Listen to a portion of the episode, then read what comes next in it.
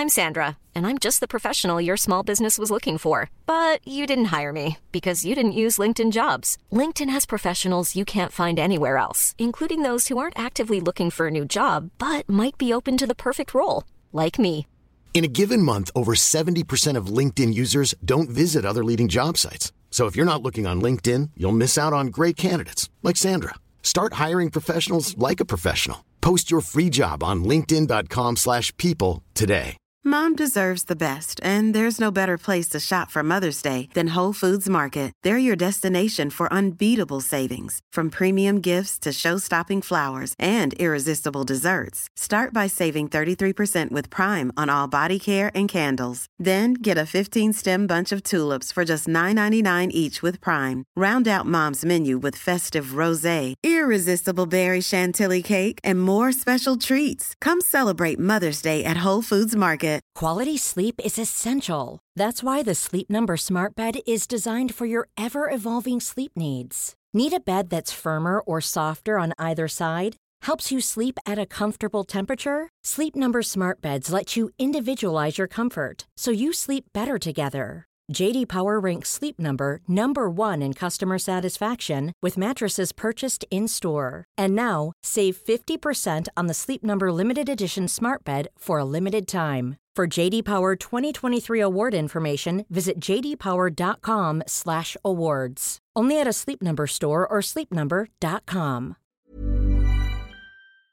Veckans sponsor är Telia. Hos Telia samlar man mobil, bredband, IT-support, mobilväxel, allt som gör företagande enkelt. Och det är just det här att samla allt på ett ställe, att ha någon att vända sig till när det inte fungerar, det är Telia. Ett exempel på vad som inte är Telia, det är ju som när jag lyckas boka förmötet för en poddinspelning med Finansinspektionen till efter själva inspelningstillfället. Eller när jag här, här året var liksom, fick för mig att jag skulle börja springa, så jag är liksom ute och springer taggad, träffar en kompis som säger så du Jan, på måndag ska jag springa ett lopp. Och jag känner så här, ja men det låter inspirerande, så jag käkar pasta, jag byter om, tar mig ner till Malmö stadion för att göra en efteranmälan, står där i kön och sen så när jag liksom anmäler mig så tittar de på mig och säger så här, du Jan, vårhuset är bara till för kvinnor. Och eh, det var, det var typisk en situation som inte är Telia.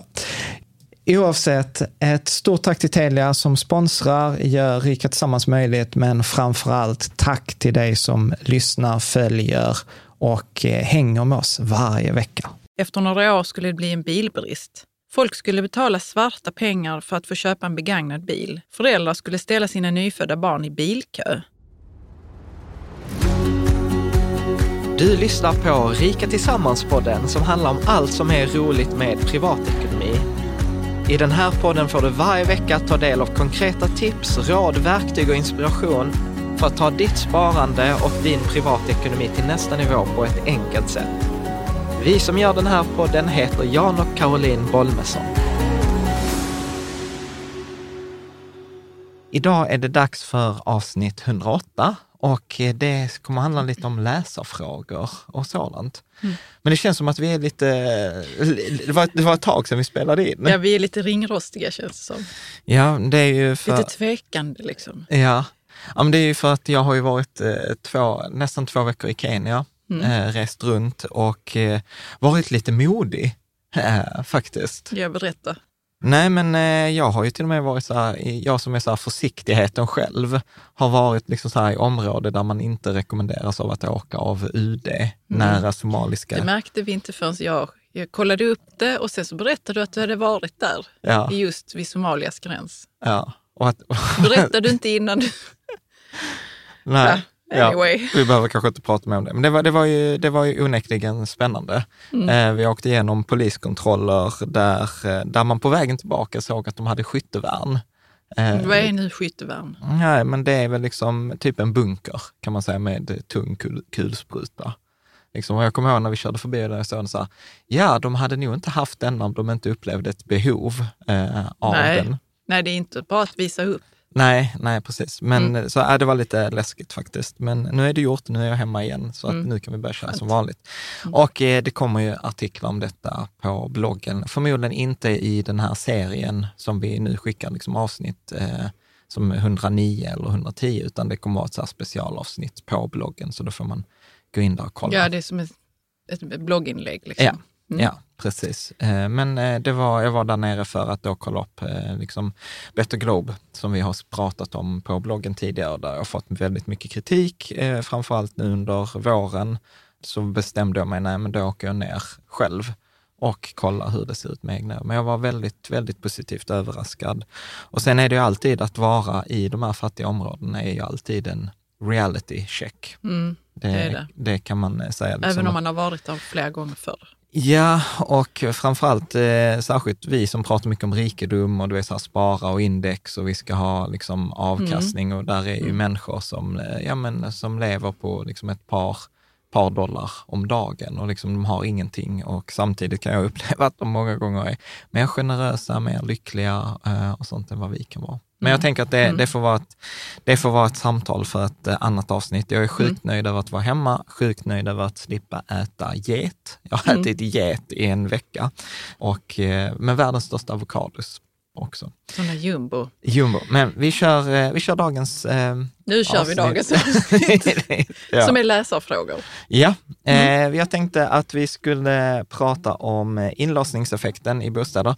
Alltså många av de här frågorna handlar faktiskt till följd av förra veckans och förra veckans Jens. Med eh, Pontus Kopparberg. Precis, avsnitten med tips om bostadsmarknaden. Ja. Det är roligt alltså hur, hur de här avsnitten som jag kan tycka är så här väldigt så här neutrala, liksom så här, det är ingen som kan bli sur på att få lite tips kring bostadsmarknaden. Ja, men det var nog vissa saker som Pontus sa som kanske är så politiskt Inkorrekta. Ja, men som att han var positiv till hyresbostäder med rätt hög hyra i storstäder. Ja, och det, det kommer För att man ska kunna, om man behöver, flytta liksom inom ett kort varsel och, och jobba någon annanstans.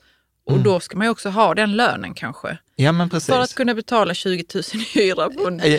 på en bostad i Stockholm. Ja. Och det är ju liksom, det är ju ett klick liksom, som klarar det eller som vill det eller som, Ja. som får eh, Ja. ska man säga, benefit Ja, från det, det. det må- Och, men sen så pratar man ju i politiken om att det är ju förkastligt med de otroligt höga hyrorna på hyresbostäder. ja, precis. Har du läst på bloggen de här kommentarerna? För Nej, det jag har det inte som läst det. Jag har inte läst det, men jag lyssnar på nyheterna. Jag har lyssnat på nyheterna nu där du har varit borta. Jaså, vad har du varit på nyheterna när jag Nej, var men borta? eh, P1 har ju en sån här nyhetsvärm liksom, som man kan lyssna på. Okej. Och då har det ju framkommit att det är en het fråga liksom, med, Ja. med eh, bostäder och Ja. hyresbostäder framförallt. Ja, det, jag kan säga att det har ju synts i kommentarerna på Ja. både Youtube och... Men var det eh, bara det som var liksom... Ja, oftast var det det som folk, Mm. vem, vem tusan har råd att betala 20 000 för ett eh, boende? Mm. Men jag tänker att vi ska prata lite om inlåsningseffekter. Vi ska prata om hänsyn till inflation vid försäljning av bostad, någonting Mm. vi glömde ta upp med Pontus. Eh, vi ska prata om eh, liksom, hur mycket vågar man låna? Vad är en rimlig skuldsättning? Sen så tänkte jag att eh, två lite andra frågor som inte är om bostadsmarknaden, men eh, sälja av fonder som har gått med vinst och eh, sedan spekulera en aktienedgång och sen räntefonder versus sparkonto med insättningsgaranti och sedan byta ut eh, långa räntefonder. Den här klassikern också, liksom alltid ränte, eh, räntefonderna. Mm. Och allt detta kände jag att jag zonade ut. Men det kommer att bli begripligt sen för de som, är, som lyssnar på detta för första gången. Tänker så, Ja. långa räntefonder, Ja. Jag, jag, det här är nog inget för mig. Men det är det. Ja, det är det. Det Det är är det. det. det, är Mm. Ja, men det, det ska vi prata om. Så att det, det är dagens avsnitt. Eh, Och eh, precis som vanligt innan vi kör igång, så avs- de här avsnitten är inte sponsrade. Jag tror inte ens vi har någon sponsrad länk i dagens avsnitt faktiskt. Eh, innehållet, eh, liksom åsikter, rekommendationer, slutsatser är inte att betrakta som finansiell rådgivning, utan man ska uppfatta det som, eh, liksom, som en allmän information. Och, eh, Det som vi säger. Ja, och, naturligt, och naturligtvis är det så här, historisk avkastning är en garanti för framtida avkastning och man, investering kan både minska och öka i värde och i värsta fall i investering kan man förlora sitt insatta kapital. Och sen detta avsnittet bygger ju på sådant som vi, liksom andra källor som vi har hittat som vi bedömer trovärdiga, men att det är inte någon garanti utan man behöver alltid kolla med sin egen rådgivare. Vill man veta mer om de här villkoren som vår jurist älskar och eh, tvingar oss att säga så läser man på riketillsammans.se villkor. Japp. Dan, då kan vi köra på första eh, läsarfrågan. Vill, eh, ska du läsa dem som vanligt? Och då är det Ida som undrar så här. Hon skriver så här. Kan vi, utveck- Kan vi utveckla eh, inlåsningseffekten? Man hör ofta att äldre inte kan flytta ifrån sin villa. Jag kan inte tänka mig att de går back på affären, så vad exakt är det de inte kan? Är det villan som köptes på 70-talet som har gått upp så mycket i värde att skatten äter upp en stor del av vinsten och att de då inte har råd med bostadsrätten på 100 kvadratmeter i stan? Är det då systemet eller förväntningarna som är felkalibrerade? Mm. Bra fråga. Ja, precis. Vad Nej, men- tänker du nu då? Nej, men jag skulle, jag skulle säga så här att där, där är ett, det är framförallt två inlåsningseffekter som jag ser det. Sen är det så mycket, liksom sagt, jag försökte till och med googla för att verifiera mina åsikter, men precis som Ida säger, så verkar liksom alla prata om inlåsningseffekter, men det är typ ingen som har bemödat sig att definiera den. Men jag tänker att det är framförallt eh, två saker faktiskt. Och det ena är det exemplet som hon, som hon beskriver, att Med människor... äldre som... Ja, men människor som till exempel har, eh, de köpte, ja men som vi. Vi köpte ju vårt hus när barnen var små och sen så bor man i huset tills barnen har flyttat ut och så har man kanske liksom så ett hus som är för stort för ändamålet, för man har inte, man är kanske bara två där när man var fyra innan. Men det är till och med kanske så här att man har inte hälsan riktigt, så man kan inte gå på ovanvåningen. Man kan inte ta hand så om huset. Man kan inte man ta hand om huset Mm. eh, på det sättet som man ska. Och, och så vill man liksom flytta till en lägenhet och det uppstår när man då säljer det, så har man gått så mycket, liksom, värdet har ökat mycket i värde, eh, liksom huset har ökat mycket i värde och då får man betala liksom, den här 22 procent eh, liksom, eh, skatt Om man skulle sälja om. Mm. man skulle sälja och då skulle den här, precis som Ida skriver då, skatten vara högre än att man kan köpa en motsvarande lägenhet på samma nivå, liksom i samma prisklass. Och då måste man kanske sänka en prisklass eller få ett mycket mindre boende. Ja. Men med att man kan liksom inte anpassa sitt boende efter en boendesituation man, kan, man, kan, man vill ha. Nej. Eh, Så att man kanske får en lägre standard. Mm. Och då tänker man, varför ska jag byta ner mig till lägre standard? Då kan jag ju lika gärna bo kvar. Men då, då skapas den här liksom, eh, trögheten eh, på marknaden. Den Så att folk flyttar inte när de kanske folk- vill eller Ja, borde. ja. Mm. Ett annat problem här som uppstår, eh, det är ju att till exempel äldre kan ju många gånger idag ha svårt att få lån. Det har jag Ja. varit med med människor i vår omgivning som liksom gått i pension och sa, jättesvårt att få ett bostadslån. För att bankerna tittar ju inte på balansräkning, utan de tittar på resultaträkning. De tittar inte så hur mycket är huset värt eller hur mycket liksom, skuld har du, utan de tittar så, vad tjänar du per månad, har du råd att betala räntorna? Ja, med- då tittar med- de på pensionen man får Ja, in då. ja. Nej, men till exempel, vi, vi hade ett par bekanta som hade liksom en lägenhet för ja, men 10 plus miljoner kronor. Och sen så liksom bott där länge, så ville de renovera den innan de sålde det. Men de fick liksom inte lån till renoveringen för att trots att huset, eller lägenheten var kanske värd, ja, men säg 10 miljoner och de var bara belånad till 3 miljoner, så de hade sju, alltså de hade, de hade De hade mycket, de hade, mycket, de hade mycket pengar. Jo, de hade ju stort utrymme i lägenheten, men eftersom de var pensionärer och inte hade någon pensionsinkomst, så fick de inte låna i alla fall. Mm. Så där kan ju också vara ett problem att om man säljer sitt befintliga eh, då, eh, hus, så ett annat exempel, det kanske inte har ökat så mycket i värde, men man har inte råd att köpa den nya bostaden, för man får inget lån på den, medan man kan bo kvar i den man har. Mm. Häng med, så det är, en, det, är en, det är en andra inlåsningseffekt. Den tredje inlåsningseffekten händer ju vid prisnedgång. Att säga att man är då student eller till exempel man flyttar ihop med, med en tjej eller att man, eller en kille, Ja, en partner eller, eller en partner. Ja, tack Vi Caroline. måste vara korrekta här. Ja, jag pratar alltid pratar ur mitt eget Ja. perspektiv. Man flyttar ihop med Man en partner. flyttar ihop med en partner och, eh, eller att man är två, man bor i en tvåa och sen skaffar man barn och så behöver man liksom en större lägenhet. Har då den lägenhet man har haft sig sjunkit med 10 procent, ja då har man ju ingen kontantinsats längre. Nej. Och då är man ju kvar, då är man ju inlåst i, den, eh, i det boendet som man är i just nu. Och det är det jag också brukar säga så här, att det stora problemet med en bostadsbubbla kommer inte vara att folk kommer få gå från hus och hem, utan att de här inlåsningseffekterna kommer öka.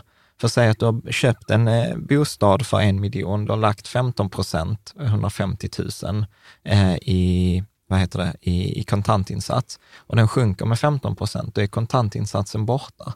Och då kan du inte köpa, då har du inte en kontantinsats till något nytt boende, utan då får man bli kvar. Så man kommer bli inlåst i Men sitt är det boende. därför som man pratar om det nu eh, i politiken? Ja, som, alltså- en, som en sak som... Eh, ja, men varför pratar man om den? Nej, men Alltså, för det, för är den det, aktuell? Liksom? för, nej, men det, är ett, det är för detta är ett jättestort problem, för vi har en trögrörlig bostadsmarknad. Just nu har vi väl Ja, men det har vi haft det? länge. Det har Mm. vi har haft det jättelänge. Och eh, det har ju varit på grund av den här eh, hyresregleringen. att vi kan, man kan till exempel inte flytta dit jobben finns. Det, det är ju till exempel jättedåligt. Mm. Man kan så- inte flytta för det finns inga hyresbostäder. Man måste ju ha någonting snabbt Ja, oftast. ja, ja Mm. till exempel. Och då är man kanske säger att vi skulle liksom göra ett jobb i Stockholm i ett år. Det är inte som att vi vill köpa ett hus i Stockholm och riskera liksom stora nedgångarna. Och sen var det faktiskt så att jag kommer vi var för några år sedan, så var jag på ett bröllop. Och så satt jag bredvid en statssekreterare. Oh, nu kommer det en historia. Ja, ja, men så satt jag bredvid och liksom, men så efter att ha druckit några glas vin så vågade jag, liksom, tog jag modet till mig och frågade, liksom, väldigt så här, kanske o, eh, opolitiskt korrekt. Där jag, innebörden var så här, är ni politiker dumma i huvudet eller är det bara så att ni inte kan prata om vissa saker eller att vissa saker är så? Vad tänkte du då att Nej, de var kring- dumma kring? Nej, men kring, just då var det bostadsmarknaden som vi pratade om. Och Mm. Den här statssekreteraren sa så här, ja, nej, men det är vissa saker som är väldigt svårlösta eller väldigt politiskt omöjliga, men det fattar ju inte att vi inte fattar problemställningen. Eh, och då sa den här personen också så att det finns eh, två sätt som man kan förstöra en, förstöra en stad eller förstöra en bostadsmarknad. Och då var det genom med kärnvapen eller hyresreglering. Vilket jag tyckte var ganska illustrativt. hyresreglering, jag måste bara, så, vad, eh, vad är det nu Ja, ja, men, egentligen? ja, men det är att, jag borde kanske veta. Nej, men det är ingen fara, utan det handlar ju om att vi har i, sta, svenska staten har ju bestämt eh, hur hyrorna ska sättas. Så Ja. var det ju för, förut, för, för att det var ju det Pontus pratade om, att till exempel en lägenhet i Umeå kunde ha en högre hyra än en lägenhet på Östermalm, för man tyckte att lägenheterna på Östermalm var eh, sämre, eh, var sämre kvalitet. Man tog inte hänsyn till läget Nej. överhu- Mm. överhuvudtaget. Men i alla fall, jag har också tyckt att detta är liksom så här klurigt förklarat på ett bra sätt.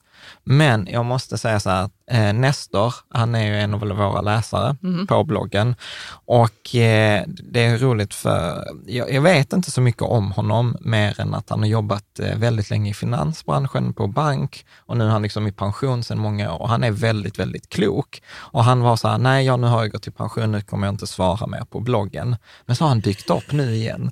Och det roliga Kan inte hålla sig borta, det är vi glada för. jätteglada för. Jag har till och med försökt bjuda in honom till en podd, men det vill, det vill han inte. Men han skriver i alla fall väldigt bra kommentarer. Mm. Och i en kommentar så förklarar han hyresregleringen.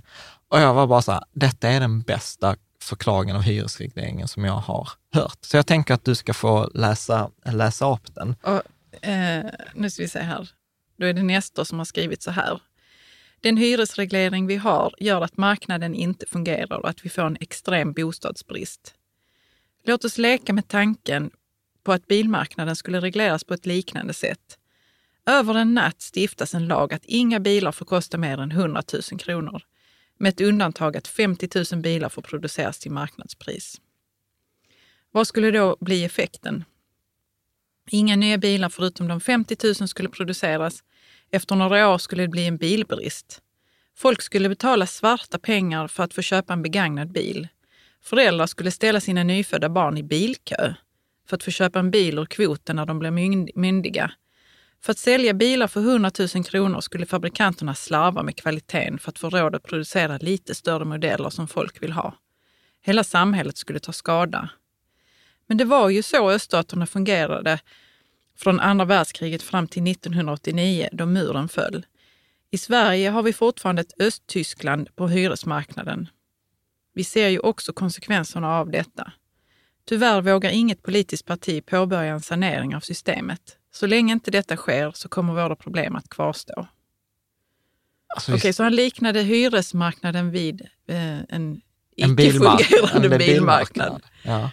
Mm. Jag tycker, jag tycker Jo, men är- det är en spännande Mm, nej, jag- jag- liknelse. Ja, för jag tycker detta är liksom så här, för det är precis så det är.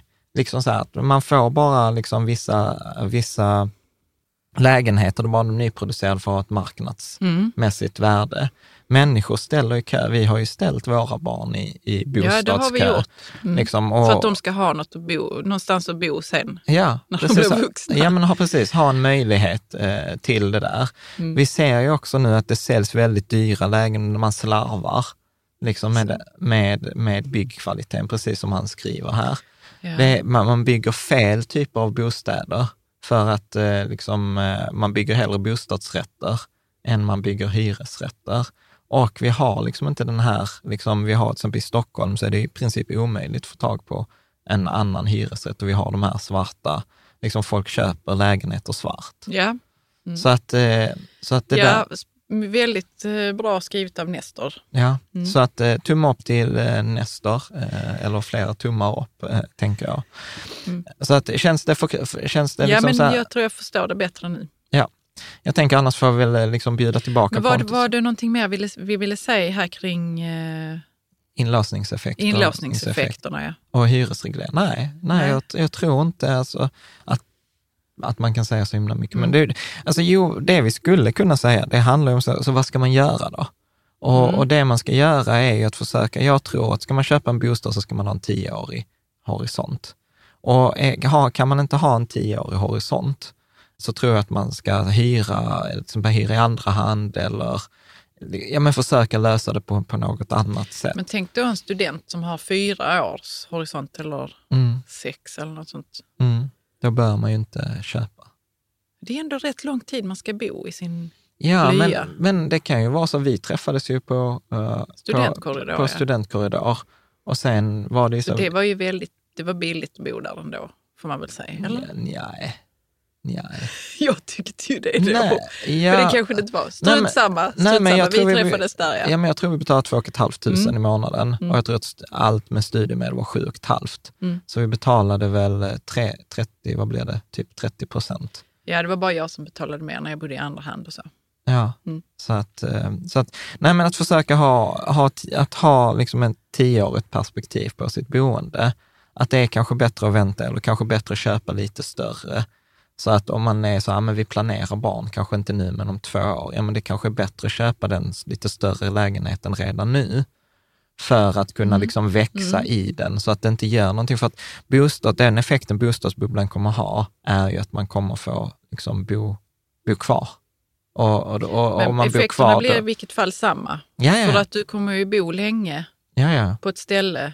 Det kommer ju ändå vara samma tröghet. I, Ja, ja, ja, vi precis. löser inte trögheten i marknaden, utan Nej. vi löser det för individen. Ja, precis. Mm. Och, och detta, detta är ju väldigt fascinerande. Jag pratade ju med dig här innan för att det var också någon annan läsare, eh, tack för tipset, som eh, pratade så här, men i höst så kommer det släppas en film, eh, The Push, som är av en dokumentär av Fredrik Gerten. Det var han som gjorde den här Bananas. Eh, som Som höll, Dole blev arga för. jättearga Han har för. gjort någon cykel, bike versus car eller något sånt Ja, också. också, precis. Men den har jag inte sett. Nej. Jag har sett Bananas, men jag har inte sett den, den andra. Och eh, den ska 8 september, tror jag, eller 6 september tror jag är premiär. 8 september så ska han hålla någon sån här eh, live-diskussion med massa, massa biografer i Sverige. Så jag tänkte att jag skulle gå och se. Och Och den handlar om, The Push handlar den om... handlar om hur människor pushas ut från lägenheter, alltså hur vi plötsligt får städer utan arbetarbostäder. Hur vi får eh, städer, till exempel i London, där väldigt många fastigheter ägs av investerare, men där bor ingen i dem. Hela hus som är helt nedsläckta, gator där det inte är några bilar, för att folk har köpt fastigheterna för att tjäna pengar på dem, istället för att folk ska bo i dem. Och att den här snedvridningen på bostadsmarknaden, lite det vi Det ser. ju helt sjukt. Ja, vi, Ja. Den får vi se. Ja, vi får se den och jag har faktiskt mejlat och höra om, om Fredrik eh, skulle vilja ställa upp i podden. Vad du Vi får skratt- se. Ja. Ja. Jag hade varit lite starstruck. Det, liksom. Men eh, ja, vi får se. Är det någon som känner Fredrik Gerten och kan lägga in ett gott ord för oss så uppskattas, eh, uppskattas det. Yes. Men jag tänker han är Malmöbo, vi är Malmöbor. Så Ja, det då är liksom- det vår, en ja, inbördes eh, förståelse ja, redan precis. där. Liksom. Ja, precis. Så att det är någonting att, att faktiskt ha koll på. The Push, eller pushthefilm.com. Han Mm. vann pris på Köpenhamns filmfestival, publikens pris för bästa dokumentär. Mm. Så att eh, nej, detta är ju väldigt, väldigt intressant, väldigt eh, eh, hett ämne. Jag fick också förresten den här Riksgäldens rapport eh, som vi pratade om med Pontus, att Riksgälden hade gett ut de här bostadspriserna. Det visade sig faktiskt också att eh, Niklas, eh, det är Niklas kusin, så att eh, honom Vänta, kan... Niklas. Delmars kusin, Ja, han, som, vad- han, han som känner alla. Eh, så att. Ja, så att eh, det ska vi också göra ett poddavsnitt om. Ja. Vad bra från att vi har någon som känner alla. Ja, precis. Riksbanken. Men jag tänker att vi, vi, vi fortsätter till, eh, till nästa fråga som är relaterad till, till det här faktiskt. Mm. Ska du läsa den? Den är för Magnus Mm. och handlar om inflation vid försäljning av bostad. Finns det någon som kan förklara varför man inte tar hänsyn till inflationen när man beräknar vinst vid försäljning av bostäder? Mm. Precis. Och, och för att förstå problematiken, jag har ju tagit upp detta vid flera tillfällen också, men glömde ta upp det när vi hade Pontus här. Men säg då liksom att, eh, jag brukar använda min mammas hus som exempel. Mm. Min mamma, eller vi, flyttade in i då ett hus i Malmö eh, 1988. Så det är väl, vad är det, 30, 30 år sedan.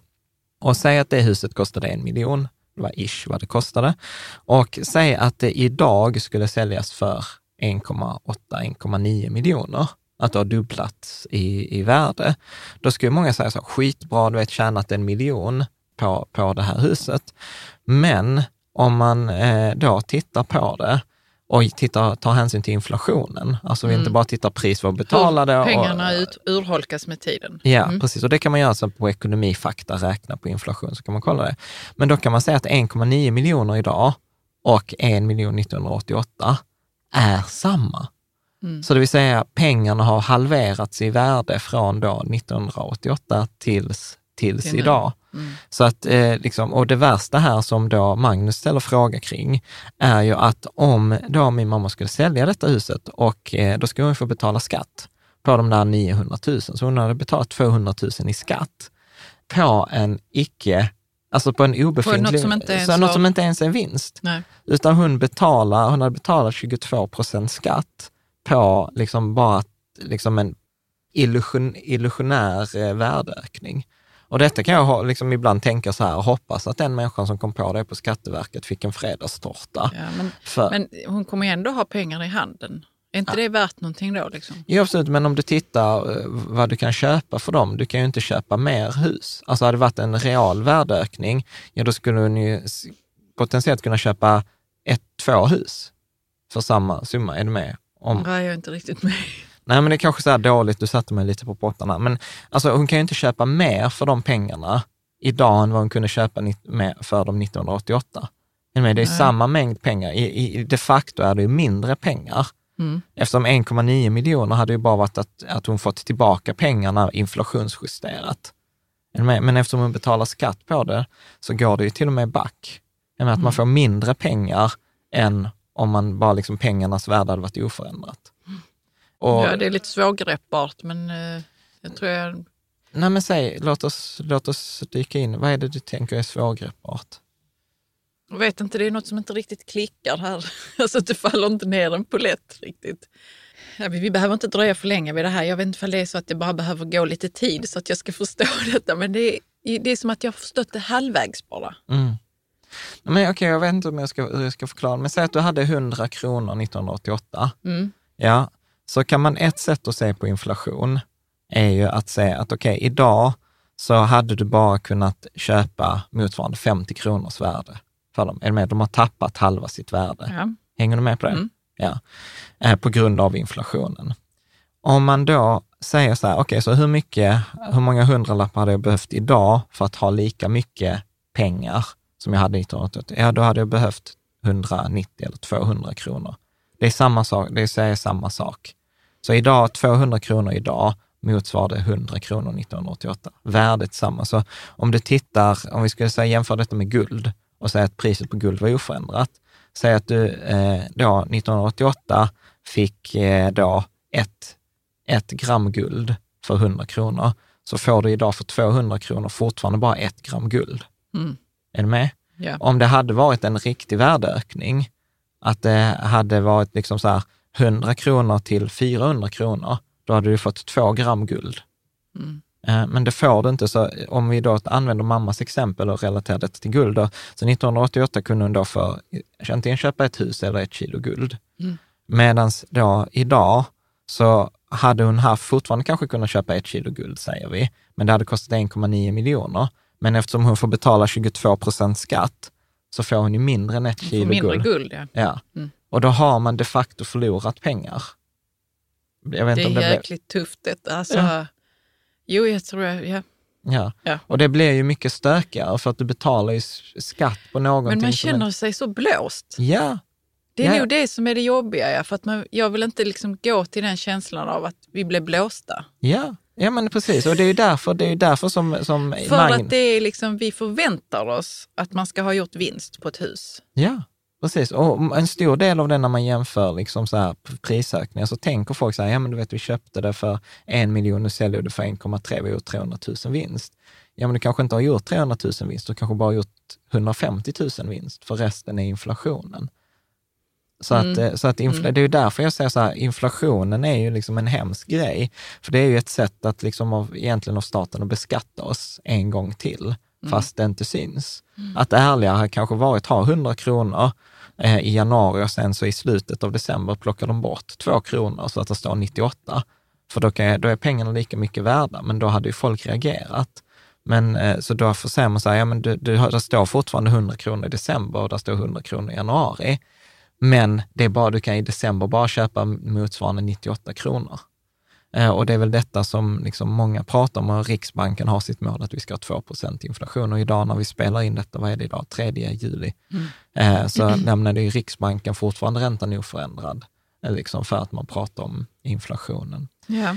Så att eh, finns det Ja, varför, varför pratar man nu inte om den här inflationen när man ska beräkna vinst på försäljning? Ja, för det hade ju varit jättemycket mindre skatt till staten. ju. Så att eh, nej, jag tror inte, jag, jag är ju som Magnus, egentligen har jag ju samma fråga, alltså finns det någon som kan förklara varför inte betala, ta hänsyn till inflationen? Men så är det ju alla tillgångsslag, vi får inte betalt för inflation med aktier eller med räntor och sånt heller. nej, utan men, nej, är- men varför, varför pratar vi inte om det?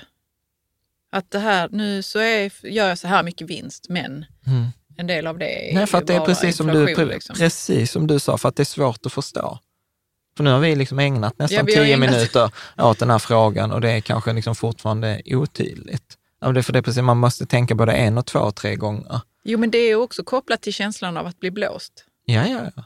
Och det är därför som det är, för min del tror jag jobbigt, var jobbigt att förstå. Ja, ja, För jag så, visste så att jag kommer gå in på någonting nu som känns jobbigt. ja nej men precis. Nej, men som Magnus, det är nog för att det är både svårt att förklara det och för att vi hade känt oss så jävla blåsta ja, om vi hade gått in på ja, och pratat om det. ja. Jag hade önskat att man tog hänsyn till det, men Mm. ja, funkar inte riktigt så, tyvärr. Men jag är på din sida, Magnus. Absolut. Ska vi ta nästa fråga? Vi tar nästa fråga. Eh, som, eh, Det är två frågor som egentligen är samma typ, så att det är både från Josef och från Jenny. Ja, men jag börjar från Josef här då. Mm. Hej, jag och min fru har husdrömmar i Stockholm och sparar och jobbar för fullt. Eh, vad, kan vi få låna en, vad vi kan få låna är en sak, men hur mycket vi vågar låna är en annan. Har ni några generella tips? Mm. Ska vi ta nästa också? Ja, och Jenny skriver, vad tycker ni är en rimlig skuldsättning för ett hushåll? Sett i multipler av nettoinkomst. Shit, Jenny alltså. Vadå, vad tänker du? Det är sådana ord jag aldrig hade rört mig med. Jag är alltså så imponerad. Jag fattar inte vad det betyder. Vi tar det sen. Ja. Ju lägre desto bättre såklart. Men man betalar i livskvalitet med att försöka vänta ut bostadsbubblan. ja. Ska vi försöka bena ut detta Vi, vilken ska vi ta först då? Är det Josef? Nej, men jag, grejen är, jag tänker så att svaret, eh, svaret hänger ihop. De hänger ihop. De ja. hänger ihop. Mm. Så att eh, om vi tar den första som är vad, vad man kan få låna och hur mycket man vågar låna. Men Där har vi också varit och tittat så, vad man kan låna och hur man, mycket man vågar. Och det är verkligen en, nog en sån fråga som många sitter med. Absolut. Och jag ska försöka ge ett enkelt svar eh, på det här. Det, det första svaret, som kanske inte är så enkelt, är naturligtvis att man måste ta hänsyn till sin egen ekonomi, sina framtidsdrömmar och liksom så här, sin tanke om framtiden.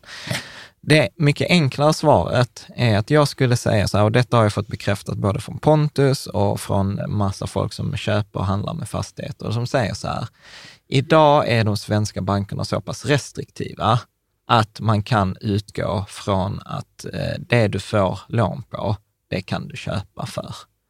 För att eh, de, de tar De vill så inte mycket... låna ut Nej. överhuvudtaget på någon slags ri, alltså de gräns, vill nästan liksom. inte ta någon risk. Så att Mm. idag man har de här, jag tror de heter KALP-kalkyler, kvar att leva på kalkyler. Och man räknar med räntor på 5, 6, 7 procent eh, etc. Det var ju till exempel som en kompis som köper mycket fastigheter, han säger så här, liksom, får du lån av banken för en fastighet, så köp den. Mm. Alltså det, det, det är så pass liksom så att man kan nästan använda banken som en kvalitetssäkring. Det har inte alltid varit så, det är inte säkert att det alltid kommer vara så, men just, eh, just nu när vi pratar runt 2019 så skulle jag säga att det är ganska, ganska rimligt Mm. eh, faktiskt. Att bankerna, bankerna är mer försiktiga. Det är, det är inte som det var liksom i USA, eh, som i den här filmen eh, Get Short, eh, Big Short, där, där, de, där de pratar med någon strippa som har sju fastigheter och de bara liksom öste lån på folk, så är det ju inte. eh, Nej, det är inte riktigt så i Sverige. Nej. Nej, så att jag skulle, jag skulle säga eh, hur, hur mycket man vågar låna, så ska jag säga, ja men låna på det som du kan få lånelöfte på. Särskilt idag med amorteringskravet. Och där kommer vi egentligen in på Jennys fråga, Mm. som är så här multipel av nettoinkomst. Så att då titta, om jag tar exemplet att man... Nettoinkomst vet vi vad det är. Ja, det är lön efter skatt. Så Ja. att säga att man i hushållet drar, drar in då till exempel 700 000 på ett eh, år. på ett år. Ja, om man tar en multipel 5 på det, så 700 000 gånger 5 är 3,5 miljoner.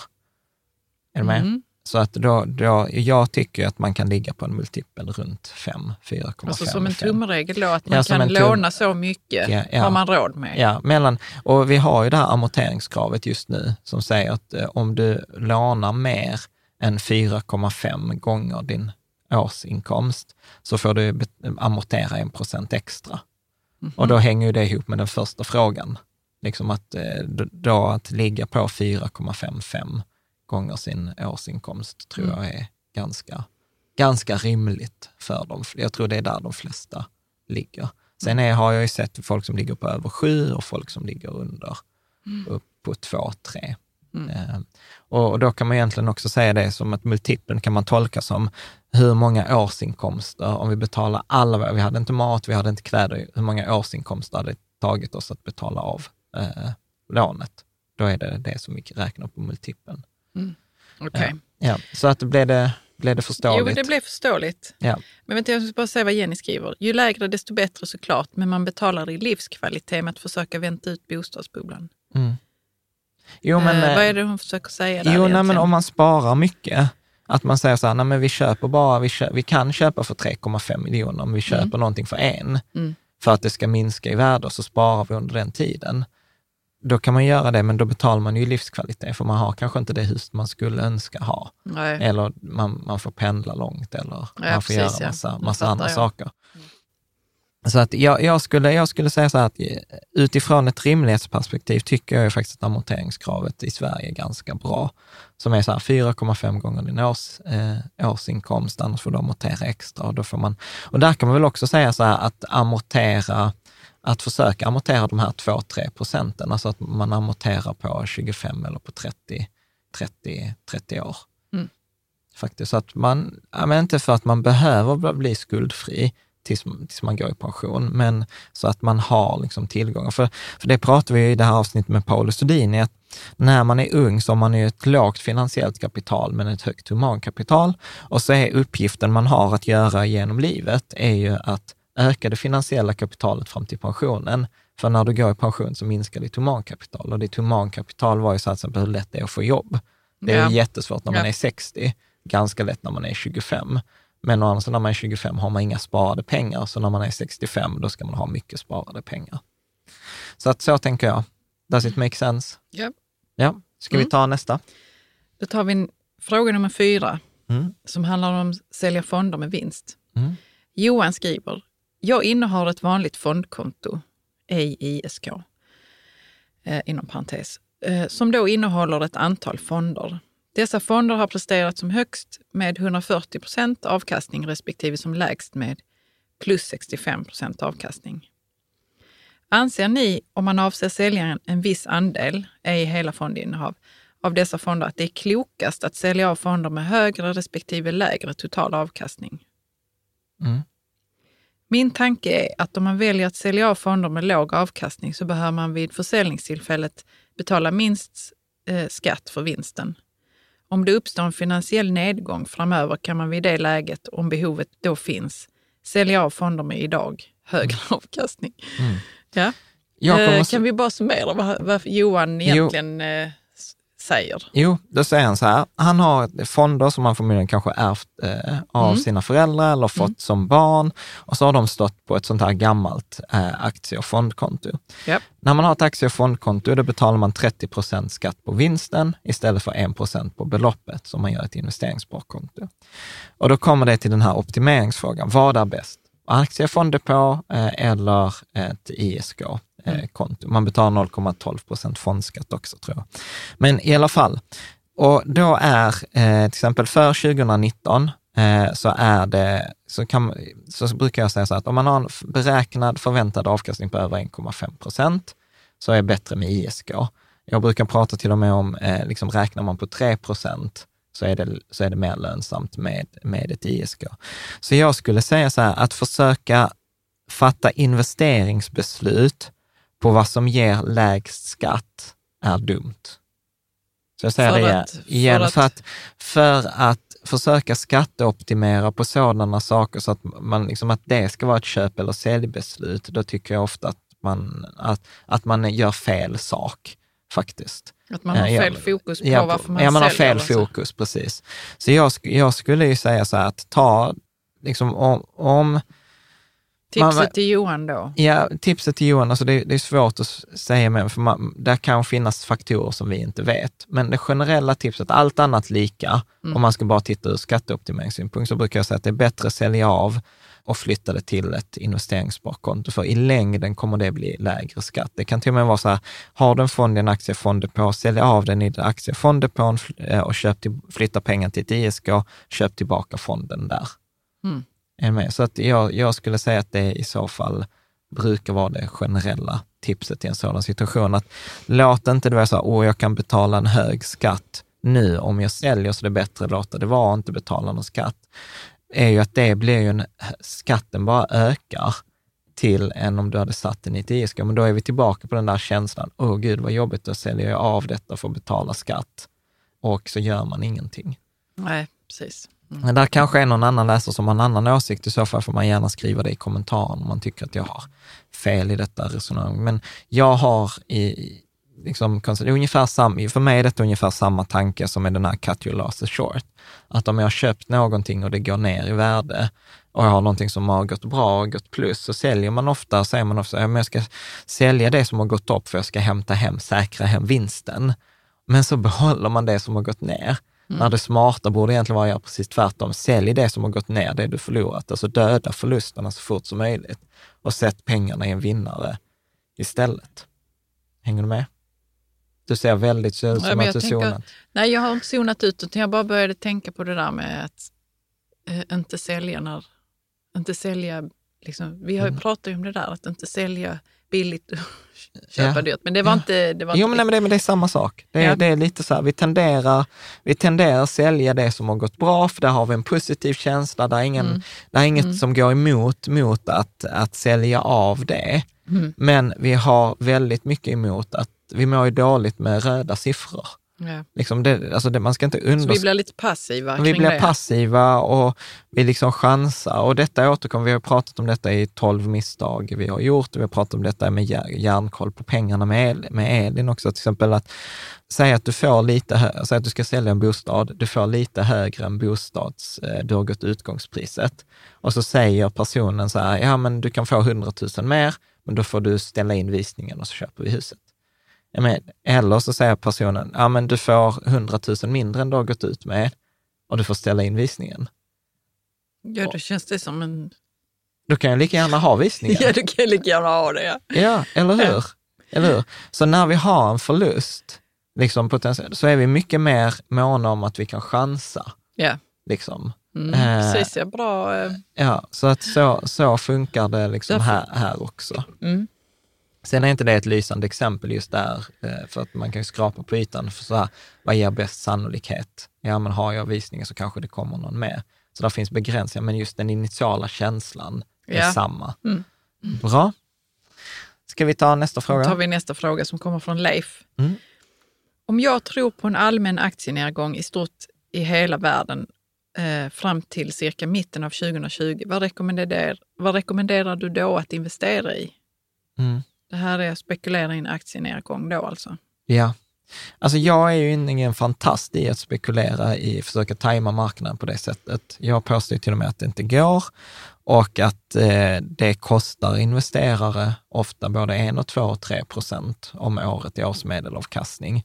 Så jag, vi spekulerar inte, jag avråder folk från att spekulera i försöka tajma marknaden. Där är många kända citat, allt från mer pengar har förlorats på att stå utanför marknaden, att vara i marknaden och gå med i förluster. För problemet är ju ofta att man behöver köpa grejerna i förväg. Och då behöver man ju köpa, eh, liksom så som vi pratade om här om veckan, att för att få de stora vinsterna måste man ju köpa det som går mot konventionell visdom, det som inte är populärt. Till exempel, vi har ju pratat om guld i flera år. Det har inte varit populärt. Nu börjar guld bli, börjar bli populärt. Nu har guldet ökat och är på högsta pri, priserna någonsin. Men när vi pratade om guld så sa folk att det är en barbarisk relik och det är en sten i ett kastavall, det ger ingen utdelning, den växer inte. Alltså du vet, den Vissa typen. sa det, ja. Ja. Eh, på samma sätt så att skulle jag vara liksom övertygad om att en aktienedgång ska komma, vilket jag är, men jag vet inte när den kommer, ja men det är därför jag försöker, vi försöker ha en strategi som är, kan vara likadan oavsett vad som händer på marknaden. Det var därför vi gjorde det här avsnittet om Riket Tillsammans-portföljen, eller vi säger så här, välj en tioårshorisont, så att den här nedgången kan både gå upp och ner. Men om man nu då är övertygad om att man vill spekulera i nedgången så finns det då två grejer. Det ena är då, skulle jag säga, kontanter. Att faktiskt helt ställa sig utanför marknaden. Och det är det som man brukar säga har störst optionsvärde, alltså du har flest alternativ, du har flest options. Det andra skulle jag säga ränte, korta räntefonder, skulle också kunna vara ett alternativ. Men då står man, då har man en neutral avkastning medan börsen rör sig. Om man nu är helt hundra på att börsen kommer gå ner, ja men då kan man ju spekulera mot marknaden. Men det brukar ju ofta vara väldigt svårt, alltså att man gör det som man kallar för, man blankar marknaden eller går kort mot marknaden. Vilket gör att om då börsen går ner med 1 procent, då tjänar man 1 procent. Går börsen ner 10 procent, då går ens eget plus 10 procent. Men det funkar ju tvärtom också. Att om börsen går upp 10 procent, ja då förlorar du 10 eh, procent. Ja. Varför jag ogillar dem är för att om du äger någonting på lång sikt, alltså du går lång, som det heter, så, så har jag en maximal begränsad nedsida till, till 100 procent. Om jag äger någonting för 100 kronor så kan det maximalt i värsta fall bli värt noll. Ja. Eller hur? Om jag blankar någonting eh, så, så finns det liksom ingen gräns. 100 till 0 är noll en gräns. Jag kan inte bli värd minus. Är med? Men om jag blankar någonting så kan ju något teoretiskt gå hur högt som helst. ja, det Eller kan hur? det ju vara jobbigt. Ja, Så vilket gör att den förlor, förlusten är inte begränsad, Nej. Utan förlusten kan bli hur stor som helst. Mm. Och, och då brukar också folk fråga sig, men hur, hur går det till? Hur kan man tjäna pengar på att något går ner? Ja, men bra fråga. Hur gör man det då? Ja. Alltså hur går det till? Ja, men i sitt enklaste form så säger man så här, säg att du äger en aktie för eh, hun, en Ericsson-aktie för 100 kronor. Och så vad jag gör är att jag lå- lånar den aktien av dig. Med? Så jag gör ett aktielån. Jag lånar den aktien av dig och sen säljer jag den på marknaden. Med? Då har jag ju fått 100 kronor. Eller hur? Och sen så vill ju du ha tillbaka din aktie, för jag har ju bara, eh, jag har ju bara lånat den. Ja. Eller hur? Då är ju min spekulation att eftersom jag har sålt den för 100, Mm. då kan jag köpa tillbaka den för 90. Eller hur? För att den har ju sjunkit värde Ja. från 100 till 90. Då köper jag den för 90 kronor och så ger jag tillbaka aktien till dig. Mm. Eller hur? Men jag fick ju 100 kronor när jag sålde den. Jag fick köpa tillbaka den för 90 kronor. Alltså har jag, 10. nej jag har tjänat 10. Tjäna 10, okej. ja. Mm. Hänger du med? Jag sålde den för 100. Tydligen så Ja, men det är lite klurigt. Okej, jag har tjänat 10. Ja, Jag ska nu inte ge mig in i... i blankning. Nej. Men hä- hänger du med på teorin? Så jag har lånat, jag har sålt någonting som jag inte äger Ja. och fått pengarna i förskott. Mm. Eller hur? Och sen så måste jag ge tillbaka aktien till dig. Ja, då måste jag köpa tillbaka den. Och då köper jag tillbaka den för 90. Då har jag sålt den för, för 100. Jag köpte tillbaka den för 90. 10 kronors mellanskillnad, så de behåller jag. Och du har fått din aktie. Eller hur? All, Ja. Alla är nöjda. Problemet där är, jag lånar en aktie av dig, säljer den för 100 kronor. Sen ökar den till 110. Mm. eller hur? Och jag, du säger nu vill jag ha tillbaka min aktie, då måste jag ju köpa tillbaka den för 110 och då har jag förlorat 10 kronor, eller hur? Ökar den till 200, då har jag förlorat 100 kronor. Ja, man brukar inte bara ha en aktie. Nej. Man Nej. har ju kanske hundra Många, eller... Ja, vet. precis. Så att det, detta är vad som kallas för blankning. Det andra är att det finns då något som kallas för futures eller certifikat som gör också som heter så här, till exempel exakt beer. Beer, nej, för gud vilket dåligt uttal. exakt öl. Exakt björn. Ja, bear. bear. bear. Mm. Som då du köper den och sen så går den spegelvänt mot, mot Stockholmsbörsen till exempel. Det finns med olika hävstång och sånt. Jag är ingen fantast, det var många år sedan jag ägde sådana. Så att min, mitt generella råd är spekulera inte i aktienedgångar. Mm. Men vill man göra det teorin så är detta teorin. Nordnet har ju förresten också lanserat att om man äger massa aktier så kan man låna ut det här. För den andra fördelen är när du lånar ut din aktie så kan du säga så här, "Nej, jag vill ha betalt en halv procent om året. Eller en För procent utlåningen. ränt för utlåning, alltså som en ränta. Är du med? Och det är det ett sätt att äga pengarna, äga, tjäna pengar på äh, att äga aktien, även om den inte då går... Vad kallas det på Nordnet då? Eh, aktielånsprogram, tror jag. Mm. Ja, Jag tror de fick pris för så årets innovation för det där. Så att gillar man det, man vill bli kund på Nordnet, så kan man använda vår sponsrade länk eh, då, som är i anslutning till, eh, till avsnittet. Men som sagt, jag är ingen fantast av att direkt äga aktier, utan vi äger ju bara fonder och vi Mm. kör dessutom fondrobot för det mesta. Men jag tänkte så här, det är ändå en, en allmänbildningsfråga, Ja, att, man kan, väl. att man kan tjäna pengar på att aktier går ner. Eh, dock är man ju lite lite, litet arsle när man gör det, för att man vill ju inte att det ska gå bra för företaget. Nej, för jag tänkte på det som hände med Elon Musks, Ja. eh, var det Tesla? Ja, ja men precis. Aktier, att folk blankade dem. Ja, Och han blev så himla knäckt över att folk trodde inte att de... knäckt, förbannad. Ja, han blev arg. Det blev han och, Ja. och gjorde saker, skrev saker på Twitter. Ja. Förlåt att jag skrattar. Det är inget roligt. ja, men det är verkligen Det är det inte. Det, det, för det är att blanka en aktie, det är ju som att säga så här, alltså om jag skulle blanka eh, liksom ett par vänner, man går till så bara, ja, men jag hoppas det går åt helvete för er. Jag tror att det kommer gå till Ett helvete och helvete för- jag tänker tjäna pengar, på, att- det. Ja. Nej. Jo, men, ja, men det är så det är. Det är Ja. så det är. Så Mm. att, eh, du vet, ibland så pratar man att man ska förlo- förbjuda det och sånt. Jag, är- Ja. Det, ja, det är, en, det, är en annan, det är en annan diskussion, men det, Mm. men det går i alla fall. Mm. Bra, ska vi ta nästa fråga nummer sex? Fråga nummer sex handlar om räntefonder versus sparkonto. Bernt Inge frågar. Jag tittade på avsnitt 64 om räntefonder med stort intresse. Dock saknade jag ett resonemang om hur sparkonto med insättningsgaranti ställer sig mot korta respektive långa räntefonder under olika scenarier som vid uppgång respektive nedgång av marknadsräntorna. Mm. I nuläget är det väl mer troligt att marknadsräntorna går upp eller ligger kvar än går ner. Eftersom räntan på sparkonto följer marknadsräntan upp men räntefonden tappar i värde vid ränteuppgång talar det väl för sparkonto. Mm. Mm. Bra, så, så frågan är här. Frågan är, Så här, räntefonder går inget vidare Nej. just nu, så varför ska räntefonder ha en risk att det kan gå ner, när jag istället kan sätta pengarna, pengarna till exempel hos ett sparkonto med insättningsgaranti hos Collector på 12 månaders sikt och få 1,15 procent eller två års sikt och få 1,50 procent. Och det är väl helt rätt resonemang att idag för de korta räntefonderna, alltså de som är lägst risk, så är detta definitivt ett alternativ.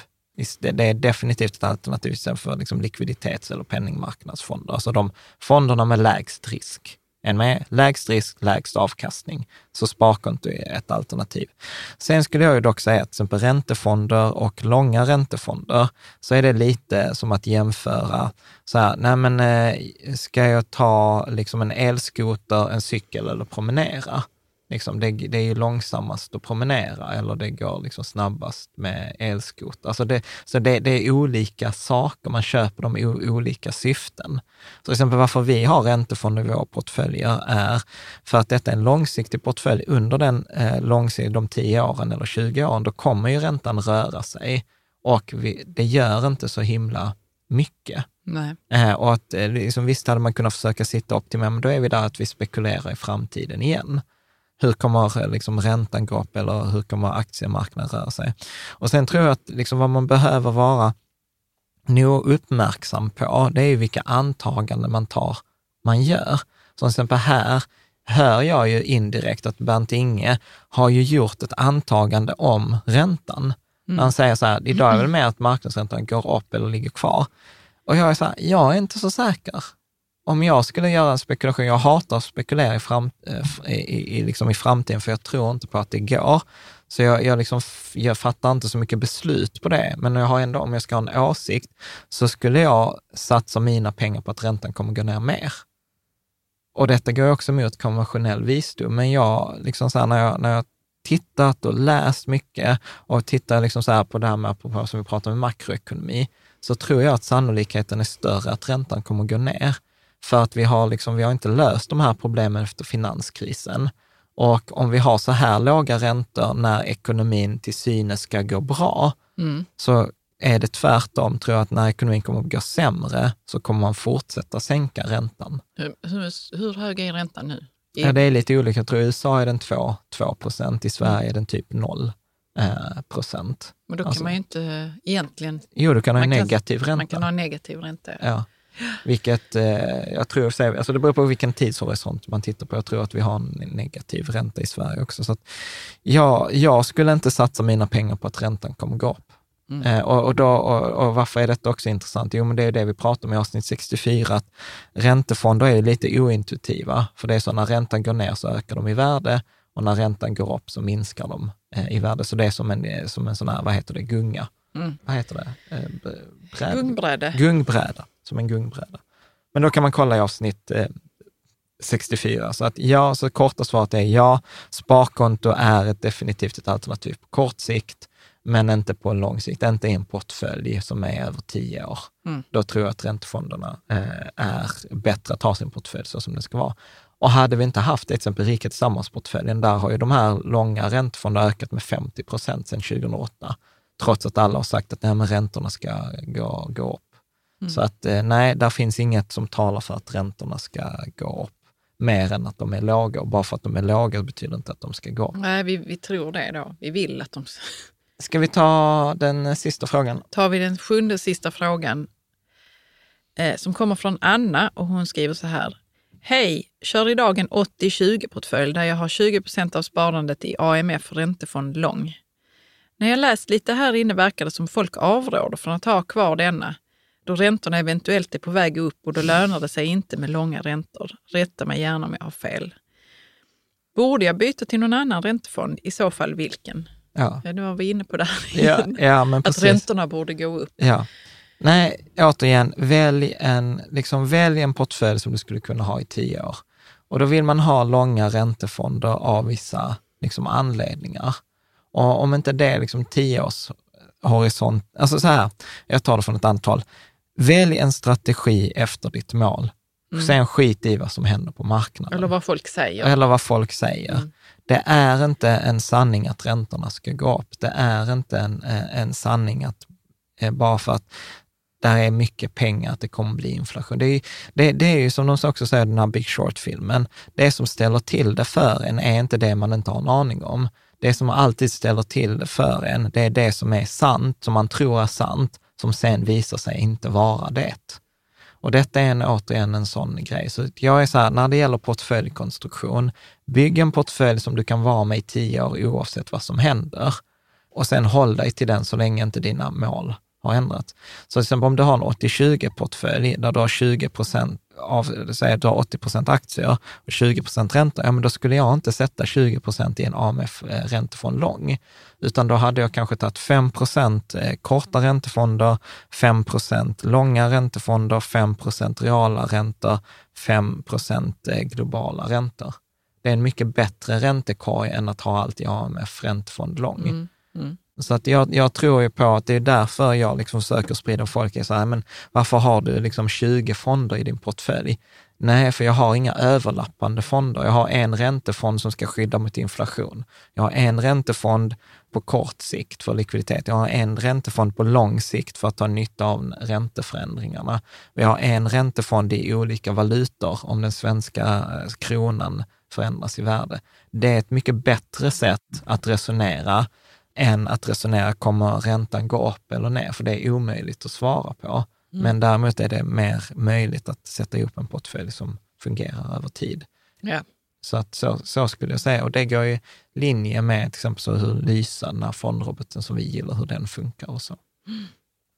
Bra, så det var ett litet rant kring eh, räntefonder. Jag tror, jag tror vi ska göra ett avsnitt om det där med eh, så antaganden som folk gör, som kanske inte är Som helt... vi också själva har gjort. som vi också själva gör. Mm. Som vi också själva gör. Men oftast, alltså, Alltså bland annat det då att räntorna är låga så då borde de gå upp. Men Ja. det är ju inget som säger det. Det Nej. finns massvis med sådana Ja. saker som vi gör hela tiden. Ett annat sånt som jag också har haft fel, eh, som jag håller på att ändra, det är som man här, men nu trycker centralbankerna pengar, då måste inflationen öka. Alltså nu har man tryckt pengar sedan 2008, inflationen har inte ökat, Mm. trots att det var en sanning. En med, eh, folk säger så här, nej, men om räntan eh, eh, går upp, då kommer aktier falla i värde. Eller räntefonder, eh, är aktier bättre än räntefonder? Inte heller alltid sant. Alltså får vi en nedgång så kommer räntefonder då överprestera mot aktier. Räntefonderna förra året, under 2018, överpresterade mot aktiefonderna. Det är inte så många som tänker på det, Nej. för att vi är så vana vid. Och det är de här, det är de här antagandena som man gör lite omedvetet som kommer att ställa till det eh, för en. finns en, eh, jag kan länka till, det finns en för den, för den som vill läsa på mer, som är lite nördig som jag, Hussman Research, eh, de har så här market comments. De skrev en jättelång sån här artikel som jag läste på flyget från Kenya, som handlade just om så här assumptions. Eh, som, Vad är som, Hussman det är ett amerikanskt fondbolag som, eh, som gör sin egen research också? som är gör sin egen research. Ja, men de skriver så här marknadskommentarer och de skriver liksom mycket om det här att just det, som att många tror att bara för att eh, vi har högre eller vi har höga aktievärderingar så tror alla att de måste gå ner nu, liksom att det måste gå ner som det har gått så mycket upp. Och vi själva pratade om det i höstas, ja men vi har P tal över 30, det borde gå ner till det historiska snittet på 15. Ja, men om, om det var så att aktiekurser gick ner bara för att de har gått upp länge, ja då skulle vi aldrig haft IT-bubbla. Nej. Liksom. Så att eh, det är den typen Fast där av... kom det ju ner till slut ändå. Ja, men till slut ja, men det höll ju på länge. Mm. Så att det, och det var ju andra saker som gjorde att det föll, snarare än att bara för att det var Jag högt. tror det handlar också om att vi människor har så svårt för att, för att se att förändring Mm, verkligen sker och vi behöver hänga med. mm, Eh, För det kommer inte bli som det var innan, som vi är vana vid, utan det sker förändringar mm. som vi bara behöver hänga med i. Ja, Mentalt gör vi inte det. nej, nej, nej, men precis. precis. Mm.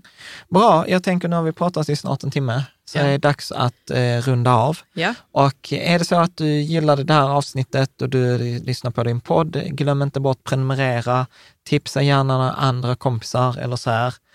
Tittar du på detta på Youtube, tryck på prenumerera eh, så att du får, och tryck även på så att du får notis om nya videoklipp. Vi kommer ju med ett nytt avsnitt varje söndag. Du har lite lobbat för semester eh, i och sommar. du bara, nej vi ska inte ha semester. Nej, precis. Eh, Det var roligt. Eh, Det var någon som, för jag var ju sen nu med det här förra avsnittet, två dagar på bloggen. Och då kom ju protest, varje dag avsnitt, det är ingen jävla semester. Vi Nej, det är faktiskt ingen jävla semester. vi småsparare sitter här och väntar. Så att, som, som det ser ut nu så kommer vi nog klara en he, hela sommaren med Mm. poddavsnitt. Vi har ett par eh, förinspelade och vi, ett par ska vi spela in Eh, också.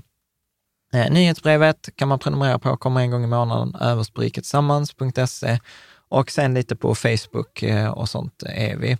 Men framförallt så har vi börjat hänga med på Patreon, eh, som är liksom stället där, eh, där man kan sponsra oss, komma med ett litet bidrag, typ att vi brukar säga, men bjud oss på en kopp kaffe, en, en liksom 30, 40 eller 50 spänn. Mm, det är lite inte vad du- stora belopp. Inga nej. stora belopp. Det, det, de hjälper oss att göra de här, att vi behöver inte ha en sponsor till varje avsnitt, vi behöver inte göra reklam Nej, och i du kan varje sitta avsnitt. i två dagar och göra research. Ja, precis. Mm. Och framförallt det som är roligt nu, att precis innan jag åkte till Kenya så hade vi eh, det första frågor och svar-avsnittet, alltså ett live.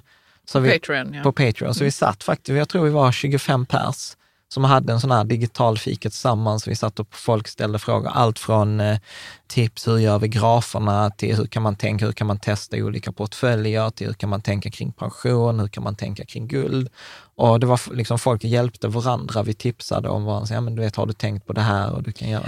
Så att det var superpoppis, så att det kommer vi göra om kanske en gång i månaden eller så, mm. så att man får lite, lite mer exklusiva grejer plus eh, att vi pratar om vissa kanske investeringar som vi inte alltid pratar om på, på bloggen också. Så att, mm. Då kan man gå in på patreon.com snedstreck rika till, eh, tillsammans. Om vi tittar lite på kommande avsnitt så kommer det nu två avsnitt med Erik Strand eh, som har varit gäst tidigare i, på bloggen flera gånger. Vi kommer prata om eh, då just lite marknadsläget, guld, aktier, eh, massa läsarfrågor. Mm. Eh, faktiskt ett helt avsnitt är bara frågor. Bara från, frågor till Erik, ja. Till Erik från mm. er eh, läsare. Och sen lite längre fram så kommer vi göra ett, eh, ett avsnitt om Ramit Setis nya bok som heter den I will teach you to be rich. Jo, men han har ju skrivit en sån bok innan. För tio år sedan. Det var en men av de första han... böckerna vi läste faktiskt. Ja, och den har gjort stort avtryck på oss. Absolut. Men ja. nu har han gjort en reviderad version. Ja, så och så vi... skriver han också om sina misstag. Ja. Jag tänkte inte på detta förra gången, men nu kommer det här. Ja, precis. Ja. Framförallt fick han skit för sparkonton, har jag för mig. Ja. Att det var. Mm. Men eh, i alla fall, så att den kommer, jag kan inte säga när den kommer, men det kommer i alla fall i sommar. Eh, ja. Kanske mot slutet av juli, augusti. Så vill man liksom läsa med i den boken och liksom hänga med så är det faktiskt, jag, jag ska nog tipsa om den. Den finns dock bara på engelska. Ja. Om man köper den på Amazon eller något, något sådant. Vi har den på Kindle. Ja. Mm. Eh, Ramit Sethi, eh, I will teach you to be rich och den ja. nya då 2019-upplagan. Så det, mm. För jag tänkte så här att jag, jag har ju alltid en ambition att vi ska göra bokavsnitt och sen glömmer jag alltid bort så mycket tid det tar att man ska läsa igenom mm. den och göra reflektion. Men att jag skulle vilja göra att vi gjorde mer ja, av det faktiskt. Mm. Bra, eh, med det så tänkte jag bara säga så här, tack för idag. Ja, tack. Och så ses vi nästa söndag.